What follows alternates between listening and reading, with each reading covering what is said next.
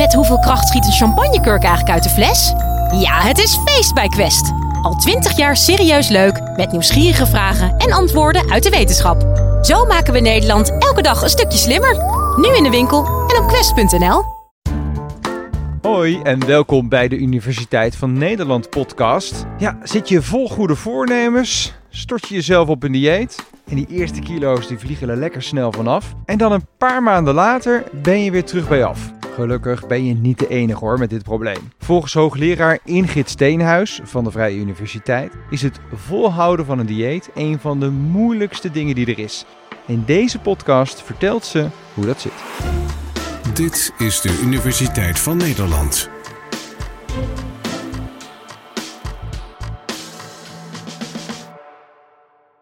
Mensen die een afvalpoging ondernemen, die beginnen vol goede moed. En de eerste kilo's die vliegen eraf. Het uh, gaat best wel lekker. Je omgeving geeft je complimentjes. En dit noemen we de honeymoonfase van een afvalpoging of van een dieet. Maar ja, dan komt er een fase dat het dagelijks leven weer om de hoek komt kijken. Je moet het inpassen in je dagelijks leven. Het blijkt allemaal niet zo gemakkelijk te zijn. Er gebeuren weer allerlei stressvolle dingen in je leven. Je omgeving haakt af, die vindt het niet meer zo leuk dat jij op het eten let. Uh, je collega's die vinden het op de vrijdagmiddagborrel ongezellig dat je geen bitterballen meer neemt, bijvoorbeeld. En dat is een, een fase waarin het lastiger begint te worden. Nou, flash forward naar een paar maanden later. Je dieetpoging is mislukt, de kilo's zitten er weer aan. Uh, en helaas, uh, weer, niet, weer niet gelukt. En dat kent eigenlijk een typisch verloop. Als mensen met een afvalprogramma of met een dieet beginnen, dan vallen ze eerst goed af. Um, maar zodra ze het programma is afgelopen en ze daarmee stoppen, dan beginnen ze meteen weer aan te komen. Er zit dus geen stabiele fase waarin het uh, gewicht gelijk blijft. Het gaat meteen weer omhoog. En we weten dat gedurende het eerste jaar na zo'n afvalpoging dat ongeveer een derde van het verloren gewicht er weer bij komt. Dit gaat zo door tot vijf jaar later. Uh, en dan zitten eigenlijk alle verloren kilo's er weer, uh, er weer aan. En mogelijk ben je zelfs zwaarder dan voor je afvalpoging. Nou, waarom gebeurt dit zo vaak? Tijdens dit college ga ik jullie vertellen hoe het komt dat mensen terugvallen in hun oude gedrag. En dus de kilo's er weer aankomen. Uh, en wat je daar aan kan doen. Nou, en om jullie meteen maar een bekentenis te doen, ik zou zelf een dieet geen dag volhouden. Ik vind het te moeilijk, ik vind het lastig, kost te veel energie. En ik denk dat het veel meer zou moeten gaan om een duurzame leefstijlverandering die je wel gemakkelijk de rest van je leven volhoudt. Want niemand eigenlijk houdt de rest van zijn leven een dieet helemaal vol. En in het begin lijkt het heel aangenaam en heel uh, uh, veelbelovend. Je volgt een voorgeschreven dagmenu en dan gaan de kilo's er vanaf. Dat klinkt als een wonder en dat, dat bestaat eigenlijk niet. Uiteindelijk gaat het toch om een duurzame leefstijlverandering die je wel de rest van je leven volhoudt. Nou, veranderen is eigenlijk keihard werken en dat gebeurt in een aantal fasen. En dat is niet meteen de fase waarin je al van alles aan je gedrag uh, gaat veranderen. Dat is wel de meest bekende fase, de actiefase. Een eerste fase die daar is, is een fase van bewustwording. De huidige situatie zoals die is, die is niet meer in overeenstemming met wat je wil. En in die fase is het heel belangrijk om je af te vragen: wat is nou mijn dwingende noodzaak om te veranderen? Wat is nou mijn echte reden waarom ik wil afvallen? En als gezondheidsprofessionals denken we heel vaak dat gezondheid een hele belangrijke dwingende noodzaak is, maar ook dat is heel vaak niet het geval. Andere dingen zijn veel belangrijker. Een opa die wil voetballen met, uh, met zijn kleinzoon bijvoorbeeld. Dat kan een, een dwingende noodzaak voor, iemand zijn om uh, gezonder te gaan leven. Op het moment dat je niet heel duidelijk voor jezelf hebt wat die dwingende noodzaak is, zul je bij de eerste de beste hobbel, de eerste de beste moeilijke situatie, onderuit gaan en denken, nou ja, laat maar zitten dat afvallen. Nou, dan komt er een fase van overwegen. Daarin ga je de voor- en de nadelen van het afvallen afwegen tegen elkaar. Want het heeft voordelen, je wordt fitter, je voelt je energieker. Maar ja, het heeft natuurlijk ook wel nadelen. Eten was misschien wel een hele makkelijke manier om jezelf te belonen. En dat kan dan niet meer langer op die manier. Misschien is er ook wel heel veel concurrentie in je leven. Binnen jezelf, allerlei andere doelen die je wil nastreven. Gezelligheid bijvoorbeeld. Heel veel dingen strijden om jouw tijd en aandacht. Een term die vaak gebruikt wordt is cognitieve capaciteit. Dat is eigenlijk hoeveel ruimte heb je nou in je hoofd om bezig te zijn met die leefstijlverandering. En op het moment dat die cognitieve capaciteit niet zo heel erg groot is, zal de, de kans dat je gedragsverandering slaagt kleiner worden. Dat betekent niet meteen dat je er dan niet aan moet beginnen, maar het betekent wel dat je je verwachtingen heel erg naar beneden moet bijstellen. Nou, na die fases van bewust worden en overwegen komt dan ook nog een fase van uh, voorbereiden. Welke doelen ga je nastreven? En die doelen, dat moet niet alleen maar een prestatiedoel zijn. Ik wil zoveel kilo afvallen, maar dat moeten juist en vooral ook gedragsdoelen zijn. Wat ga je, ga je nou daadwerkelijk doen? Zoals dus ik op donderdagavond uit mijn werk thuis kom, trek ik meteen mijn hardloopkleding aan en ga een rondje lopen. Of als ik vanavond uh, op de bank zit, dan uh, uh, drink ik een kop thee in plaats van frisdrank. En het helpt dan om vooral te specificeren wat je wel gaat doen. En niet meer alleen maar wat je niet meer gaat doen of wat je gaat, wat je gaat laten. Nou, daarna komt echt de fase dat je aan de slag gaat, dat je in actie komt en dat je gedrag uh, in je leefstijl daadwerkelijk verandert. En daarna komt dus die volhoudfase, die moeilijke fase waarin het zo vaak fout gaat. Er is best wel wat bekend over wanneer het fout gaat. En uh, Marlet is een uh, Amerikaanse wetenschapper die heeft een model gedefinieerd over terugval. En dat heeft hij oorspronkelijk gedaan over verslavende gedragingen. Maar daarna is dat model heel vaak toegepast op andere leefstijlgedragingen, waaronder eten, bewegen en ook gewichtsmanagement. Uh, en dat model zegt eigenlijk dat een terugval heel vaak begint in een hoogrisicosituatie. Dat is een, situatie waarin de kans dat het fout gaat, dat je je niet aan je, aan je uh, eten- en dieetvoornemens houdt, dat die kans veel groter is. En uit onderzoek weten we dat er eigenlijk een aantal categorieën zijn van die hoogrisicosituaties. Nou, de eerste categorie is als mensen negatieve gevoelens hebben. Ze voelen zich boos, ze voelen zich eenzaam, ze vervelen zich misschien. Of ze hebben een gevoel van deprivatie. De hele wereld kan alles eten, behalve ik. Dat is oneerlijk. Dat is niet prettig als je dat gevoel hebt. Nou, andere mensen kunnen ook een bron zijn uh, van hoogrisicosituaties. Bijvoorbeeld als je conflicten hebt met andere mensen. Of als heel erg sociale druk uh, op je uitoefenen. Toeneem nou, ik heb het speciaal voor jou in huis gehaald. Hè, dat soort uh, situaties. En een laatste categorie van die hoogrisicosituaties is als je positieve gevoelens hebt. Die wordt heel vaak vergeten, maar positieve gevoelens leiden ook sneller tot een, tot een terugval.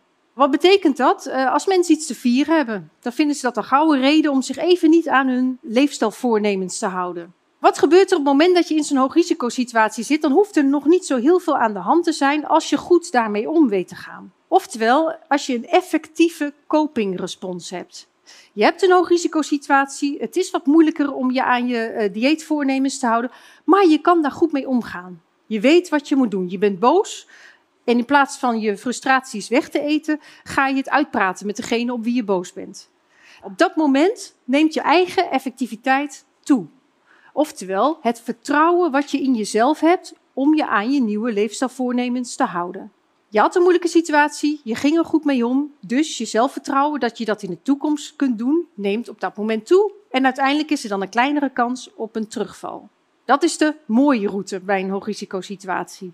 Maar heel vaak ga je ook de andere kant op en dan heb je niet zo'n goede copingrespons om met die hoogrisicosituatie om te gaan. Je hebt geen copingvaardigheden, geen copingrespons en dan komen er een aantal psychologische processen op gang. Nou, en één daarvan is bijvoorbeeld dat je een hele positieve uitkomstverwachting krijgt als je dat eten gaat, uh, gaat nemen. Dus plotseling denk je, je bent boos, uh, je weet niet hoe je er goed mee omgaat en dan denk je, als ik nu die reep chocola eet, zal ik me een stuk beter voelen op dat moment daalt je eigen effectiviteit, hè? je zelfvertrouwen dat je er goed mee om kunt gaan en dat je goed kunt blijven vasthouden aan je dieetvoornemens, die daalt. Op dat moment is de kans groot dat je een uitgeleider maakt, of een laps, zoals dat in termen van de theorie heet. Is dat heel erg? Nee. Je bent goed bezig met je veranderproces en je hebt één keer een uitgeleider. Niks aan de hand, je staat weer op en je gaat weer verder. Maar na een uitglijden komt er een ander psychologisch proces op gang en dat heet het regelovertredingseffect. En ik noem dat effect ook wel eens het één koekje, dan maar de hele rol effect. Als die uitglijders zich gaan stapelen, dan heb je uiteindelijk natuurlijk een grotere kans uh, op, een, op een terugval. Het is natuurlijk niet zo dat je je ogen dicht doet en weer open en dat je plotseling denkt, hé, hey, nu ben ik in een uh, hoogrisicosituatie uh, beland. Daar gaat vaak heel veel aan, uh, aan vooraf en het helpt om daar inzicht in, in te krijgen. Het begint heel vaak met disbalans en stress in iemands leven. Iemand die moet heel veel en die komt te weinig toe aan de dingen die hij wil in zijn leven. Of er zijn misschien heel veel stressoren in iemands leven, stress op het werk, stress in de privésituatie, uh, waardoor mensen ook meer in disbalans raken. Op het moment dat je wat disbalans ervaart, ja, wil je wel wat toegeven aan jezelf. Je wil jezelf wel wat compenseren om die balans weer een beetje recht te trekken. En op het moment dat ik nu heel erg de behoefte zou hebben om mezelf te compenseren voor allerlei stress, is er niet zo heel veel aan de hand. Ik heb hier macaroni, uh, maar dat kan ik wel laten staan. En verder is er niet zo heel veel uh, uh, aanwezig.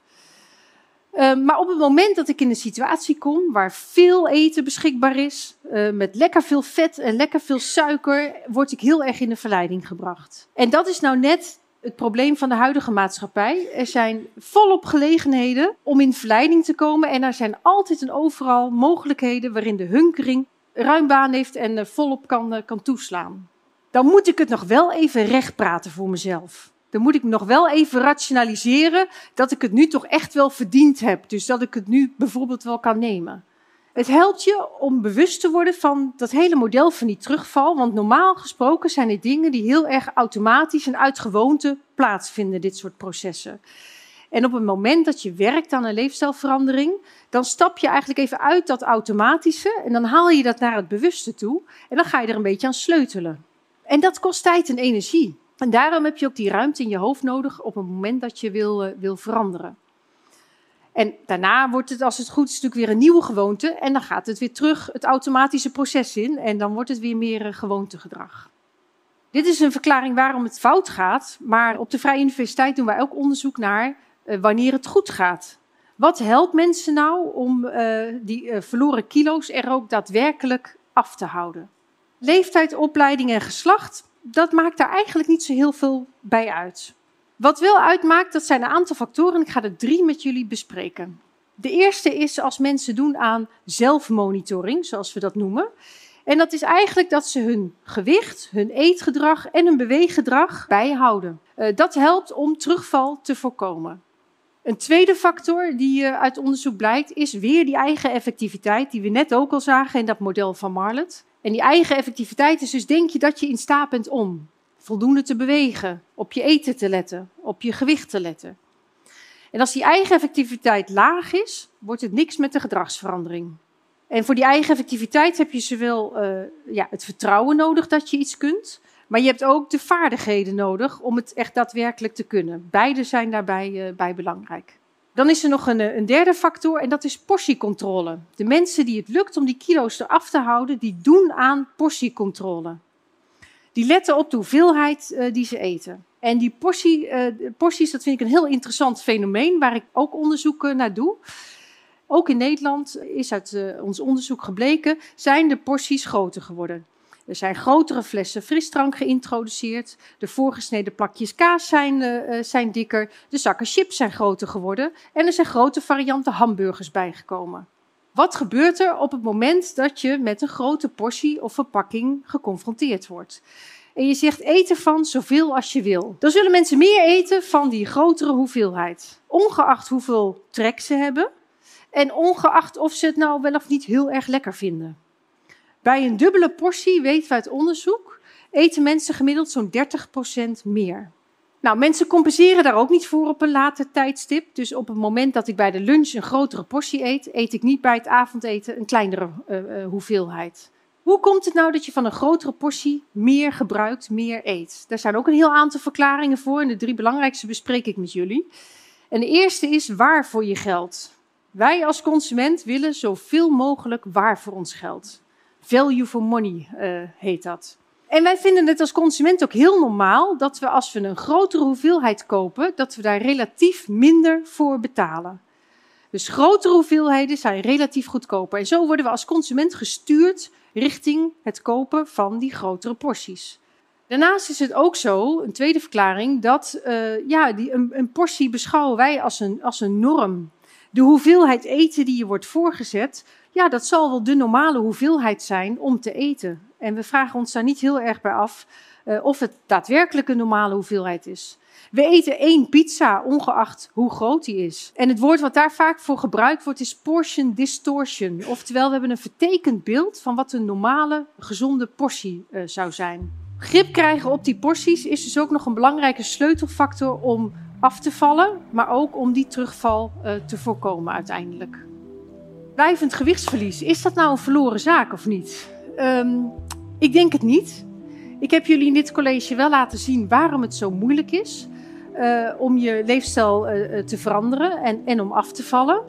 Maar ik denk als je bewust wordt van allerlei processen die een rol spelen, dat het je wel lukt om, om stap voor stap um, duurzame leefstijlverandering te maken. Ja, dankjewel Ingrid.